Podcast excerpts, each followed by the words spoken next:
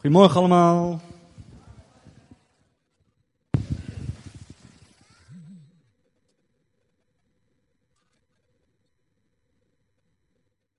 Voordat ik uh, ga beginnen, voel ik me heel erg bemoedigd.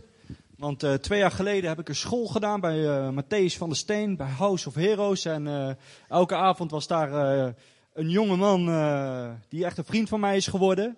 En ja, af en toe ga ik nog wel eens naar House of Heroes. En dan zit ik in de groepsapp van iemand die dat ook heeft opgericht. Wat nu al twee jaar bestaat, denk ik. Toch, Jean-Paul? Drie jaar, vier jaar bijna. Wil je misschien opstaan? Doe maar. Dit zijn uh, jongens, die noemen zich Commandos for Christ. Komen uit, uh, amen. Jean-Paul komt uit Almere en uh, Hans komt uit Spekenisse. Dus ze hebben verre reis gemaakt. Gaan zo na de dienst nog gezellig eten en kletsen. Echt tof. En Jean-Paul is een uh, rauwe evangelist. En uh, God doet grote wonderen in zijn leven. En hij gaat rustig tegen een grote gast zeggen van... Ooit komt er een moment dat je voor God staat. En wat dan? En dat werkt. Zo gebruikt uh, God jou, Jean-Paul, toch? Echt inspirerend. Echt mooi, man. Ja, goed dat je er bent. ja. Voordat ik ga beginnen, is er wel iets gebeurd. Ik heb ook een droom gehad vannacht. Waardoor het woord wat ik heb ontvangen anders gaat worden. En uh, ik droomde vannacht uh, iets heel aparts. Dat was echt over dat Jezus zegt, bekeer je, want ik kom snel. Ja, één dag is als duizend jaar, dat weet ik. Maar ik verwacht hem echt elk moment. En deze droom ging echt over een, een harteschil voor de mensen. Begrijp deze preek alsjeblieft niet verkeerd, want er is echt een verschil in het Oude Testament en in het Nieuwe Testament. Zoals we net het avondmaal hebben gevierd, is Wanneer wij weer iets doen wat niet kan, is er vergeving. Omdat God rechtstreeks naar je hart kan kijken, omdat er voor jou betaald is. Dat was eerder niet zo. En daarom kon de tegenstander, de duivel, gewoon roven, moorden, stelen. Omdat er geen perfect offer was gegeven. Maar God zij dank, Jezus Christus, onze verlosser, koning der koningen, onze grote broer, onze, oh, onze bruidegom. Hij heeft voor jou betaald. En daar gaat deze droom over. Dit is een spannende preek die ik ga geven. Ik heb zelfs tegen de Heer gezegd, moet ik echt alles vertellen? En de Heer zei ja. En de Heer vertelde heel duidelijk tegen mij, want dit is een kerk. Dit is niet iemand die je tegenkomt op straat dat je aanpast. Dit is een kerk waar het woord recht gesneden moet worden. Dus ik wil vragen voordat ik begin, dat dit echt bedoeld is om ons niet alleen te laten wandelen met Jezus, maar ook op te staan. Ook wel toevallig, toepasselijk dat hier vandaag met de groep is. Hij noemt zich ook Commando for Christ. Hij wil graag dat het woord recht gesneden wordt. Hij, hij, hij niet terug, hij houdt zich niet anoniem, daar heb ik echt respect voor. En hij wil mensen gewoon vertellen dat er wel zeker een hemel is, ook een hel is, et cetera. En hij wil mensenlevens redden met zijn team. Toch Jean-Paul? Amen. En daar gaat het om. Eigenlijk gaat het erom dat wij de voorrecht hebben dat wij bezegeld zijn door de Heilige Geest om iedereen te vertellen dat je roeping hebt op je leven. Wist je dat de tegenstanders emoties gebruiken? Iets heel indrukwekkends. En ik ga dat een paar keer herhalen in de preek. Dat is maar één zinnetje wat Paulus zegt. En misschien kan het ook op de beamer gezet worden. Dat staat in Filippenzen 3, vers 1. Makkelijk te onthouden. Meteen de eerste vers van Filippenzen 3. Daar staat, dat Paulus zegt, wees blij. En hij zegt er ook bij, ik word niet moe om dit te blijven schrijven. Ziet u? Laat de Heer uw vreugde blijven. Ik heb er geen moeite mee het te herhalen. Waarschijnlijk zei Paulus dit zo vaak dat mensen dachten, nu weten we het wel. Maar dat is ook een leugen van de Satan. Wanneer de Satan zegt, ah, dit weet je al. Als het woord van God iets tweemaal herhaalt, kan je beter luisteren. En in dit geval zegt de Heer steeds, in het woord, Let joy be your strength. Laat de vreugde des Heren jouw kracht zijn. Want wanneer wij vreugdevol zijn, herken je dat ook thuis. Wanneer je zaggerijnig bent van school, werk of ruzie hebt gehad, dan kan je niks hebben. Als je vrouw of je, of, of, of je vriendin of je vriend of wie dan ook wat wil vertellen tegen je. Hoewel er niks verkeerds is. Je kan gewoon niks hebben, want je zit niet lekker in je vel. Daarom wil ik jullie bemoedigen, omdat God mij ook zo bemoedigt altijd. Edward, Ga niet in je gevoel zitten. Strek uit. Deze emoties zijn heerlijk. Het is een voorrecht dat wij met vlees mogen wandelen. Want de geesten, daarom noemen we ze ook geest van angst, geest van depressie, Zij hebben niet gevoel. Zij zijn alleen geïnspireerd hoe zij gevoelens naar ons toe kunnen sturen. Want zij zijn geest, zij hebben geen lichaam, zij kunnen niet voelen. Ze kunnen wel denken, ze zijn super intelligent, maar ze kunnen niet uh, voelen zoals wij dat voelen. Dus ze vinden het heel interessant als ze dat doen, dat wij in ons gevoel gaan zitten. Tegenstander wil dus proberen eigenlijk, oké, voordat ik deze prooi ga pakken, ga ik eerst even kijken waar ik hem kan pakken. Wij jonge mannen, eerlijk is eerlijk, vinden vrouwen mooi. Daarom staat in het woord zo vaak dat David viel door een vrouw. Simpson, met een grote roeping, viel door een vrouw. Maar toch werkte God zijn plan uit. Maar wat nou als Simpson niet gevallen was voor een vrouw? Misschien mocht hij ook wel zeggen zoals Gideon, voor God en Simpson. Maar nee. God wil mensen gebruiken. Wij moeten luisteren. Niks moet natuurlijk, we hebben een vrije wil. Maar als we gaan luisteren, gaan we vruchten zien. Daarom zegt Jezus ook, de boom is te herkennen aan zijn vruchten. De mens is een boom. Wij zijn te herkennen aan onze vruchten. En halleluja, prijs Jezus. Hij heeft betaald waardoor wij elke keer mogen drinken van zijn vrucht. Vol mogen zijn van zijn heilige geest. Mogen toetsen wat zijn vruchten zijn. Gelaten 5, vers 22. Liefde, blijdschap, geduld, goedheid, geloof, vrede, vriendelijkheid, zachtmoedigheid en zelfbeheersing. Leer die uit je hoofd. Zo kan je in elke situatie toetsen. Hey, lijk ik op Jezus? Want we willen toch op Jezus lijken? Amen. We willen toch op Jezus lijken? Ja toch? Ik wel. Daarom mogen we erop uitgaan. Daarom geloof ik dat de Heer mij vannacht een droom heeft gestuurd. Want ik ben ook maar een mens. En je moet eens weten hoe ik word aangevallen door angst. Daarom gebruik ik het woord, het wapen van God. 2 Timotheus 1 vers 7. Ik heb niet de geest van lafheid, maar van kracht, liefde en bezonnenheid. Bezonnenheid is denken. Romeinen 12 vers 2. Vernieuw je denken. Vreugde is zo'n sterk wapen. Als je verliefd bent, wat ben je dan? Blij. Je bent zo blij. Je bent zo blij. Zo is Jezus voor ons aan het kruis gegaan, geloof ik. Ondanks alles wat hij had, de angst. Maar toch wist hij, straks zal ik zo blij zijn. Als al die mensen weer terug kunnen komen bij papa. Ik ga dit doen. Maar de tegenstander is, uh, zoals ik al zei, niet dom. En hij zorgt ervoor dat hij de vreugde gaat roven, gaat stelen, gaat bedriegen. Dat je depressief wordt, dat je dood wilt. Noem het maar op. Zelfs de grootste godsmannen maken dit mee. Elia, Jeremia, ga zo maar door. Wil de dood, hoewel ze machtig gebruikt werden. Maar als God met je is, wie is er dan tegen je? Amen. Vannacht was ik aan het dromen. En God liet mij eerst zien allemaal fragmenten van dromen. Ik was eerst op een plek wat wel een instituut leek. Ik kon daar niet wegkomen, maar allemaal van die gekke mensen die je gevangen hielden. En ze wilden experimenten doen met je. Ik, was echt ook echt, ik voelde ook echt angst in die droom. Maar omdat het van de Heer was, voelde ik ook de kracht van God. En ik liep daar met nog wat mensen. En uiteindelijk kon ik vluchten. En ik vluchtte in de woestijn en ik kon wegrennen. En maar ze, ze, ze zagen ons. En we gingen ons verstoppen in een bosje. En er kwamen allemaal bussen, auto's eromheen rijden. En op een gegeven moment dacht ik, oh jee, oh jee, oh jee. Heer, help me, help me, help me. Ik dacht echt, ik word gepakt in die droom. Maar toen zei de Heer, pak die auto. En ik, volgens mij was ik de enigste van die, deze andere mensen die kon vluchten. Ik rende naar een auto en ik reed snel weg. En ik kwam in een huis, maar ze waren me op zoek. En ik was verraden. Ik was in een soort van loods, huisachtig, kraakpand denk ik was heel onduidelijk, maar je voelde dat je daar niet veilig was. Er kon zomaar nog iemand in dat huis zitten. Je kon daar makkelijk gevonden worden. Maar ik was zo moe dat ik daar maar ging schuilen.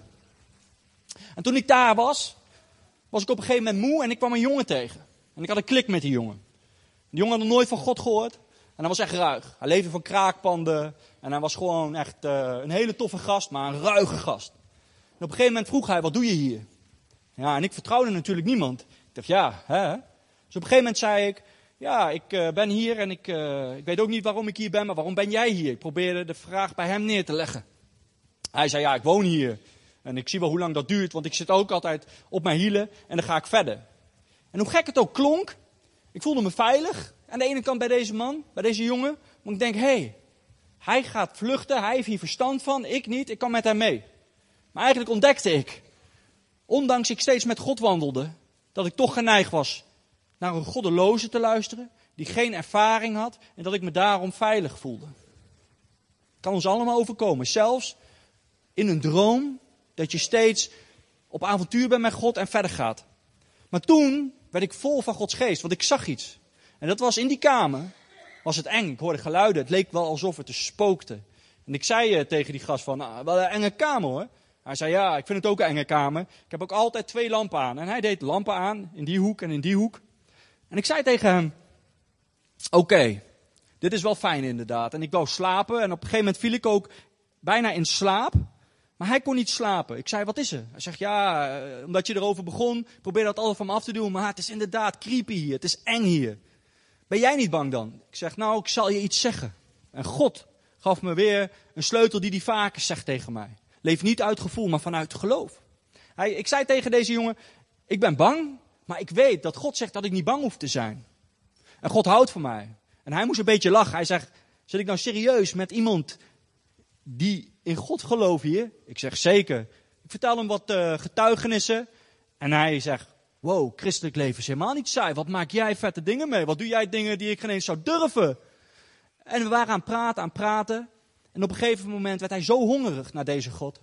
Dat ik hem vertelde de gelijkenis uit uh, Matthäus 13. En misschien kan je hem op de beamer zetten, vers 1 tot en met uh, 9. En ik vertel hem over dat, er, uh, dat het geloof is iets heel moois. Maar als je niet oppast, kan je het verliezen. Door depressie, door ziekte, door ongeloof, door wereldse verlangens. Die kunnen heel sterk zijn. Heel sterk zijn. En ik vertelde deze jongen over de zaaien. En dat God iets belooft. Als we naar hem luisteren, dan hebben we nog een keus. Of honderdvoudig voor hem gaan, zestigvoudig voor hem gaan, dertigvoudig voor hem gaan. Maar dat er altijd mensen zullen zijn die het geloof meteen laten stelen. Je kan het vergelijken als je het meteen laat stelen. Hè, dat je die zaad gooit en dat er een vogel op de loer is.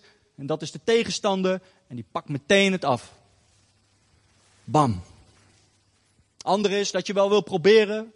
Maar dat het zo moeilijk is dat het geen wortel kan schieten. Steen. Mos. De andere is dat je tussen ah, de distels terechtkomt. En dat je, dat, je, dat je de zorgen, de geld en al die dingen laat winnen. Weet je, het is herkenbaar. Ik herken dat ook in mijn leven. Daarom is het mooi dat we een gemeente hebben en mensen hebben. Evan, die hier vandaag is, heeft mij heel erg bemoedigd met dingen. Mijn schoonmoeder, Ger, Remco, mijn geestelijke vader. We hebben, Rilana, nog veel meer mensen. Vergeef me als ik je niet noem. Maar we hebben mensen nodig die dan weer vertellen. Waarvoor je geboren bent. Waarvoor je geroepen bent. En ik vertelde deze jongen dat. Je bent geroepen niet om zo te leven, man. Als ik zie hoe avonturier je bent, hoe dapper je bent. Het zal me niks verbazen als je de zending in zou gaan. Want deze karaktertrekken zie ik in jou. Oh, en hij werd daar helemaal hongerig van. Hij zegt, ja, dat, dat, wat jij zegt, dat is zo mooi. We gingen slapen. En de volgende dag zei ik, ik heb een afspraak bij een tattoozaak. Ja, weet je, ik heb niks uh, daarop tegen. Iedereen heeft een uh, relatie met God. Maar God heeft in mijn geval wel uh, duidelijk gesproken dat ik moest stoppen met tatoeëren. Maar dat is mijn getuigenis. En dat heeft misschien wel een andere oorzaak als bij andere mensen. Want ik zit ook onder de tattoos. En op een gegeven moment zitten we daar. En ik denk, ja, die jongen gelooft net één dag. Was helemaal vol van geloof. Ik ben benieuwd wat hij dan laat zetten. Want ik kan niks tegen hem zeggen. Want ik ben de enigste persoon die namens Jezus bij hem is. Ik ben de enige persoon die de liefde van God aan hem kan laten zien. Ik kan dit niet. Ik kan, ik kan, hem, geen, ik kan hem niet wat dan ook zeggen. Maar tot mijn schrik liet hij iets zetten wat zo werelds was. Ik kan me niet meer herinneren wat, maar het was echt een, uh, van die illuminati, uh, cult, hoe je het ook wil noemen. Echt van die tekens dat je denkt, dit moet je niet doen. Dus ik denk, oh heer, hoe kan ik hem op andere gedachten brengen? En ik stoot hem aan in die tattoo shop, waar de tatoeëerders bij waren. En ik zeg tegen hem, hey, luister, als ik nou een tattoo zou laten nemen, zou ik hem keigroot hier laten zetten, Johannes 3 vers 16. En ik zeg dat expres. Omdat ik het kon proclameren in die zaak. Al zo lief heeft God de wereld dat hij zijn enige zoon gegeven heeft. Opdat hij behouden wordt voor eeuwig en niet verloren gaat. En hij moest lachen. Hij zegt, ja, eh, dat ga ik niet doen. En toen dacht ik, wat moet ik doen? Zodat hij kan denken, over hierover na kan denken. En ik zei alleen het verhaal van de vogelsman, het is je overkomen. En hij moest er keihard om lachen. En ik lachte maar een beetje mee met kiespijn, maar ik denk, oh, wat erg. Toen werd ik wakker. Het was vier uur s'nachts. En uh, ik weet niet of Jesse door had, maar ik ging naar beneden. Ik ben daar ongeveer een half uur gebleven, gaan bidden. Ik heb wat gelezen uit de Bijbel, maar ik weet, ik weet echt niet meer wat. Vind ik echt jammer. En uh, ik was aan bidden en aan bidden. Ik denk, wat is dit, Heer? Maar ik had nog niet door dat het een droom was die ik vandaag zou uh, moeten gaan vertellen. En ik zeg, Heer, ik ga weer slapen. Wilt u me reinigen met het bloed van uw zoon, vader? En ja, wilt u de napreker zijn, want u bent de napreker. Ik ga naar bed. En hij stuurt een nieuwe droom naar mij toe. Deze was heel erg. Ik schoot zelfs een paar keer in mijn vlees. Eerst was ik uh, op een zwembad. En Jordan hij was aan het zwemmen. Maar hij kon pas net een beetje zwemmen, dus ik was heel dicht bij hem. En een ander jongetje van een jaar of zeven trok hem naar beneden.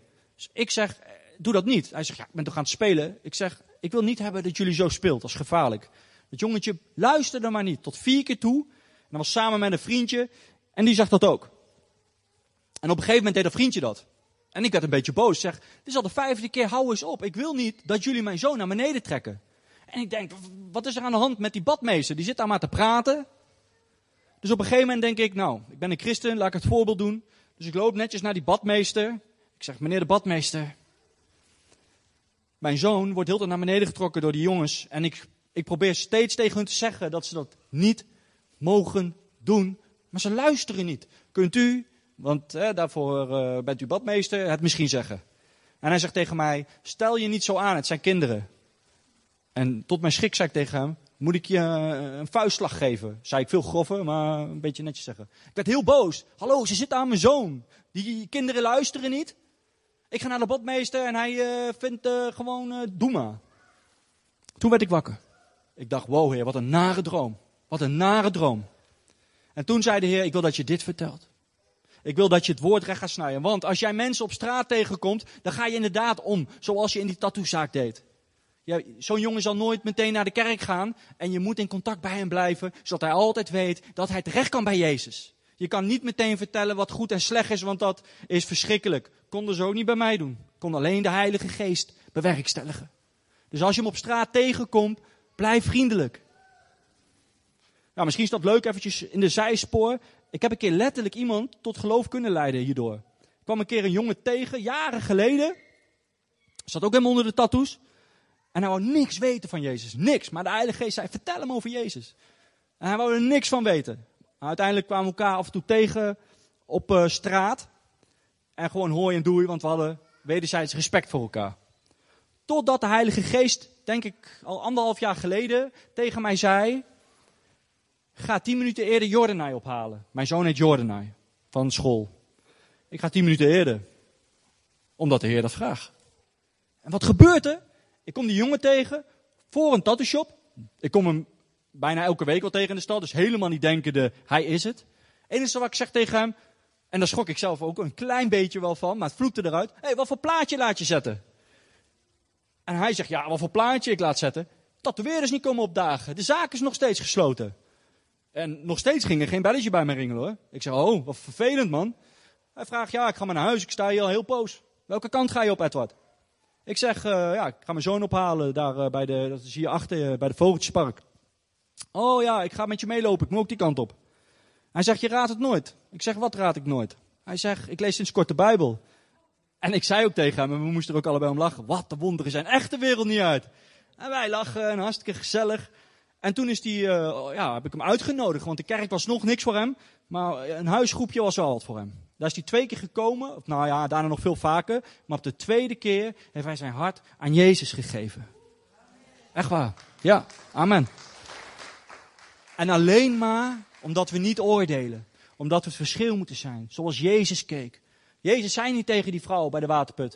Ik heb je veel te vertellen, maar je bent de vrouw, uh, dus helaas. Of, ik wil wel met je praten, maar je gaat met zoveel mannen. Nee. Hij keek naar een potentieel christen. Hij keek naar een mens. Hij keek naar het hart. Hij wist steeds het hart kan veranderen als ze de liefde van de Vader ontvangt. En zo is het met de wereld. We leven in een verknipte wereld. Mensen hebben geen juiste normen en waarden meer. Het eerste boek, het Oude Testament, leert ons al. Opa, oma's, papa en mama's, leer hun God kennen, de Vader. Hij wil met je wandelen. En door de Heilige Geest zijn wij bezegeld. En is de tegenstander misschien nog wel banger als dat hij eerder was. Hij wil ons pakken op emoties. Hij wil ons pakken in de angst. Hij wil ons pakken om tegen het woord in te gaan. Want één ding geloof ik. Dat is het woord is waar. En weet je waarom ik dat geloof? Soms zeggen ze, de Bijbel is niet compleet, want er zijn zoveel dingen gevonden. Dan denk ik, maar dat wist God toch al? God wist precies hoe het begon en hoe het afloopt. God weet precies wat wij nu nog kunnen lezen in het woord. En als er iets niet meer van toepassing zal zijn, zal dat wel vernietigd zijn of verdwenen zijn. Maar alles wat in het woord staat is waar. De normen en waarden zijn verdraaid in deze tijd. En wij hebben daar last van. Misschien geen eens je eigen schuld. Misschien komt het wel door het voorgeslacht. Dat de tegenstander bij jouw voorouders iets kon doen waardoor wij er nog last van hebben. Worden we ook voor gewaarschuwd, staat in het woord. Maar Jezus maakt ons vrij. En vandaag geloof ik in wonderen en tekenen. Geloof ik dat na de dienst vrijheid in ons leven komt. Of het nou angst is, of het homoseksualiteit is, of het drugs is, of het agressieproblemen zijn, of het vreemdgaanproblemen zijn, wat dan ook. Vandaag voel ik een zalving van vrijheid. Deze droom heb ik niet voor niks gehad. Deze boodschap is niet voor niets.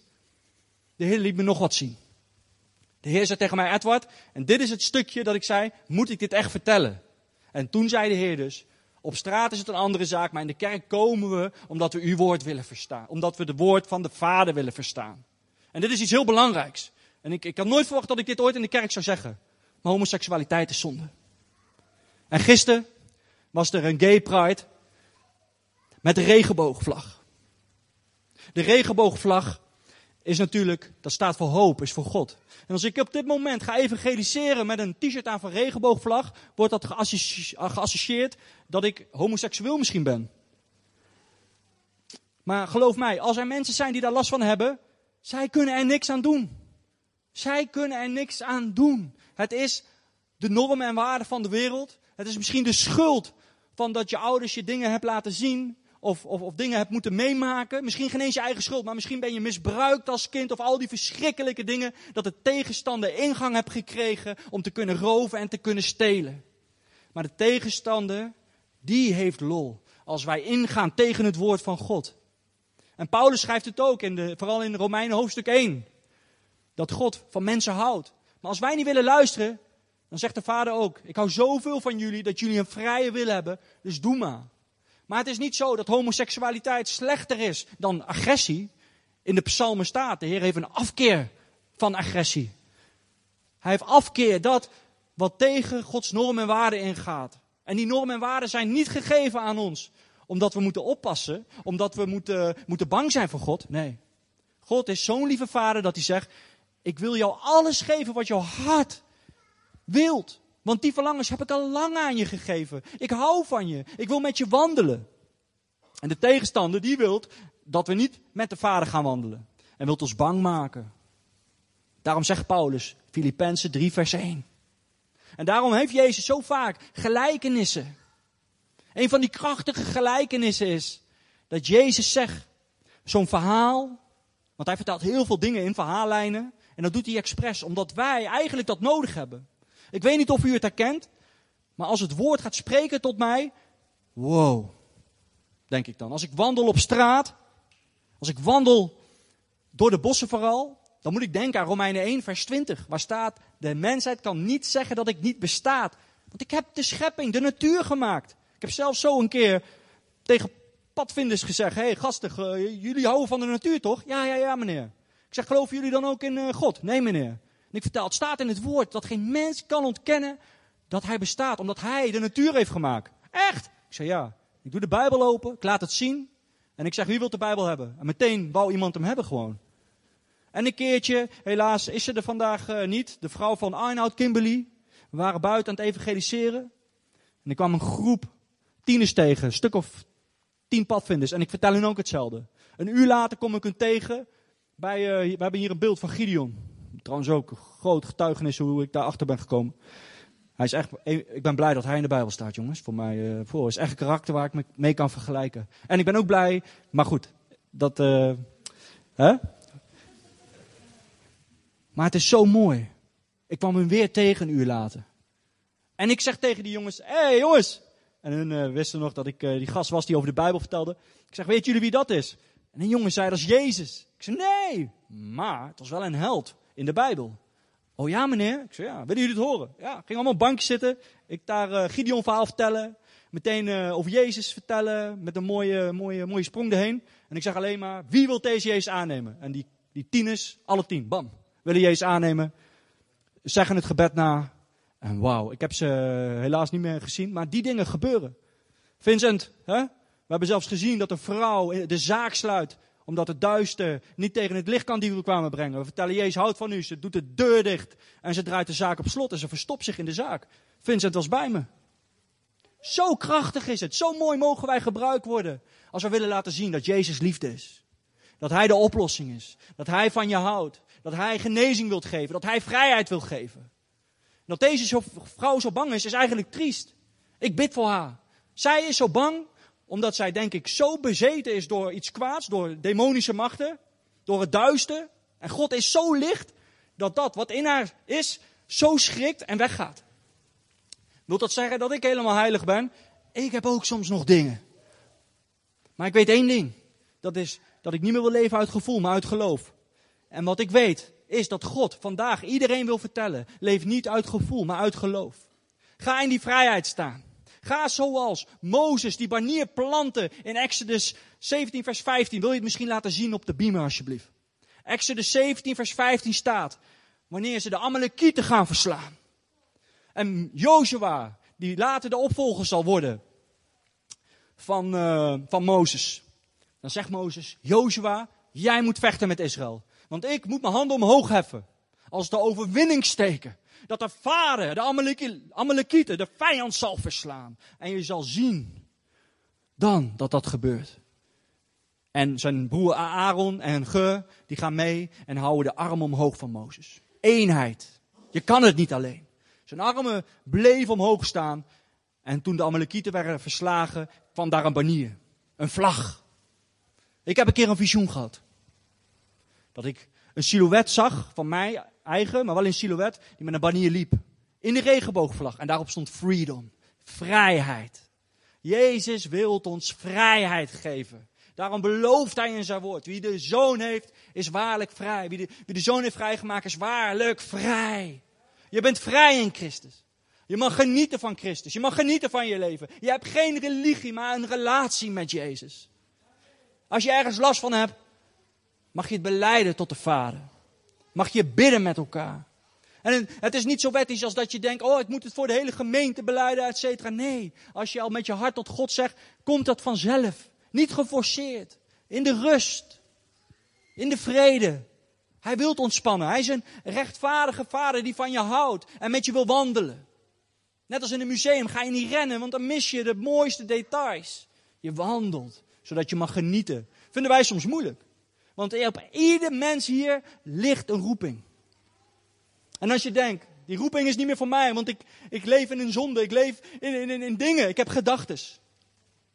2 Korinthe 10, dacht ik, nee, 2, ja, 2 Korinthe 10, vers 3 tot en met 5 staat dat we elke gedachte krijgsgevangenen moeten nemen en tot gezag aan Christus moeten geven, opdat Hij ons zijn gedachten zal toevertrouwen. Mogelijk gemaakt door de Heilige Geest. Heilige Geest woont in jou. Toen Nicodemus iets merkwaardigs vroeg, kwamen wij erachter dat de Heilige Geest beweegt waar hij wil bewegen. Als ik nu de wind hoor, denk ik aan dat verhaal. Hetzelfde is voor mij nog zo'n verhaal wat zoveel invloed op mij heeft gemaakt. Niets kan geroofd worden van de Vader. Toen Jezus een gelijkenis vertelde over de wijngaard, dat daar gebouwd werd, dat de Vader op vakantie ging, en daar mensen liet werken en iemand naartoe stuurde om de oogst binnen te halen, dachten ze, hé, hey, dat geven we niet mee. We slaan hem even in elkaar en als hij terug is bij de baas, bij de vader, dan uh, komt hij niet terug. Maar de vader die stuurt weer, wordt weer in elkaar geslagen door die gasten. De vader stuurt weer iemand, wordt weer in elkaar geslagen door die gasten. En op een gegeven moment stuurt de baas, de vader, zijn zoon. Ze denken, nou, mijn zoon zullen ze wel niks aandoen. Maar weet je wat ze denken? We gaan zijn zoon vermoorden. Dan heeft hij geen erfgenaam meer. Ah, en dan laat hij ons wel met rust. Maar dat doet de vader, dat doet God, dat doet de baas niet. Hij zorgt ervoor dat ieder dat wat hij aan hem beloofd heeft ook uit gaat komen. Als we maar vertrouwen. Als we maar getraind willen worden. Als we maar willen lijken op deze Jezus. Als we maar niet meegaan in de, in de leugen van deze wereld en in de leugen van ons vlees. Want het vlees houdt ons voor de gek. Hoeft geen eens je eigen schuld te zijn, maar zo'n fluistering. Of even dat je, dat je kijkt. Het is David overkomen. Het is Simpson overkomen. Jozef moest wegrennen. En het leek alsof hij gestraft werd. Kwam in de gevangenis. Maar nee, daar werd hij getraind. En zo hebben we nog meer figuren. Een Paulus die de jassen vasthield toen Stefanus gestenigd werd. En toch wist God al, deze Paulus ga ik machtig gebruiken. Wij kunnen niet oordelen over elkaar. Maar wat nou? Als deze Ananias had gezegd, ja, ik ga deze Paulus echt niet uh, genezen in uw naam. Doei. Dan had God iemand anders gestuurd. Of hetzelfde gedaan als dat hij bij Jona deed. Gods wil is zo vruchtbaar en zo mooi. Hij wil ons vrijzetten van elke leugen, van elke bolwerk. Maar willen we het ook horen? En ik wil afsluiten met uh, Matthäus 13 weer. En dan het volgende wat er gebeurt wanneer Jezus de gelijkenis geeft van de zaaien. Daar staat een sleutel voor ons allemaal. En dat staat in vers 10 en 11. Matthäus 13, vers 10 en 11.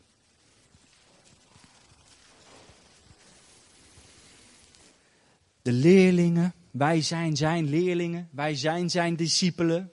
Ga naar Jezus toe en zeggen: Waarom zegt u altijd dingen in, in, in, in verzinsverhalen, in een verhaaltje, in verhaaltjes? Maar Jezus weet, als ik meteen dat vertel, wat er gebeurt, worden ze boos. Want hij kent het mensenhart. Of ze willen het niet horen. Maar wanneer ik het vertel, waar ze zich in kunnen verdiepen met een personage, met een verhaal, in een verhaallijn, zoals wij ook wel eens films kijken, dan ga je meevoelen dat een schuldig iemand er niks aan kan doen, bijvoorbeeld, als dat verhaallijn zo werkt. Of juist als er onrecht wordt gedaan. soms moet je huilen zelfs bij een film. En Jezus is zo briljant. Hij is zo rein, zo puur, dat hij weet hoe hij een mensenhart kan, kan bereiken. Maar dan zegt hij ook het volgende. Jullie, wij, mogen de geheimen van het koninkrijk van de hemel kennen. Hun is dat niet gegeven. Maar daarvoor werd ook gewaarschuwd. Mensen die het zaad accepteren, zullen 100, 60 of 30voudig vrucht dragen. We leven met een missie op aarde. Weten we dat? Dat we met een missie op aarde leven. Dat we mogen, mogen, mogen doen waarvoor we geroepen zijn. Maar dat we ook weten dat we getraind moeten worden, want het is niet niks. Een marinier wordt niet zomaar naar het, naar de, naar, naar het front gestuurd. Hij moet getraind worden. Willem weet er alles van, denk ik. Willem is militair geweest. We moeten getraind worden. Maar God is zo goed dat hij zegt: Als je de vreugde niet laat roven, dan weet je precies wanneer de vijand komt en kan je hem wegsturen. Is niet makkelijk. Maar wanneer we angstig zijn, hebben we elkaar nodig. Mogen we zeggen: Ik ben bang, bid voor me. En je zal merken, je krijgt kracht. En God gaat ons trainen dat je misschien geen eens meer gebed nodig hebt, maar dat je in je eigen autoriteit gaat staan. Ik moet ook nog in bepaalde dingen dat leren, maar ik ben dat aan het leren. Want de Heilige Geest die in de personage leeft, leeft in jou. En jij mag zelf autoriteit nemen, zoals Jezus ook zei: Duivel, ga weg. Ik buig alleen voor de Vader met al deze dingen die je me wilt geven. Ik hoef het niet. De Vader wil me iets veel moois geven. Hij wil mij de bevrijding voor de wereld geven. Wij mogen zijn zoals Jezus. Wij mogen onze buurman vertellen over Jezus. Wij mogen niet alleen vertellen over Jezus, we mogen ook naast hem staan. Niet intimiderend, maar in de liefde. Kijken met de ogen van Jezus, hoe kan ik deze persoon bereiken? Soms hebben mensen wel radicaal nodig. hey, geloof in Jezus? Soms hebben mensen relatie eerst nodig voordat ze zelf met vragen komen. We zijn allemaal zo uniek gemaakt. En we zijn allemaal potentieel geroepen om christen te worden. Als we ons hart beschermen en uitstrekken naar de liefde van God, gaat Hij dat kneden, gaat Hij dat vormen en zullen wij honderdvoudig vrucht dragen. Ik wil zo een, eh, een nummer laten horen, een stukje ervan. En focus je erop. Dat waar je ook mee zit, dat God niet tegen je is, altijd voor je is. Omdat de rechtvaardige zal vallen, maar ook weer zal opstaan. En niemand is een rechtvaardige zonder Jezus. En wij zitten hier allemaal. En als hier mensen zitten die Jezus nog niet in hun hart hebben aangenomen, is het vandaag de dag om dat te kunnen doen. En als je aangeraakt wordt om dat te doen, schaam je niet. Schaam je niet. Strek je hand uit en neem deze Jezus aan. Als jij dat bent, mag je dat straks doen tijdens het nummer. Wil je nummer laten horen? Weet dat God voor je is en niet tegen je.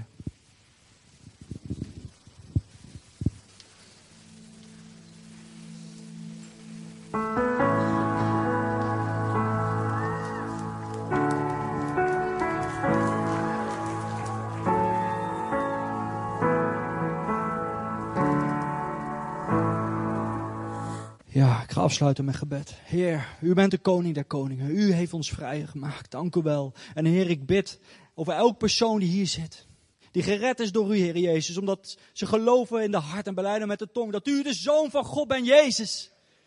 Aan het kruis bent gegaan voor onze zon en uit de dood bent opgestaan. Want de dood heeft geen recht meer op ons. Dank u wel dat u de kamers aan bereiden bent daar in de hemel. Dank u wel daarvoor, Heer. En ik bind elke angst die hier wilt heersen in de kinderen van uw vader. Want u heeft beloofd in uw woord, in Romeinen 8, vers 15, dat we geen geest hebben van lafheid, maar de geest die uitschreeuwt naar Abba, Vader.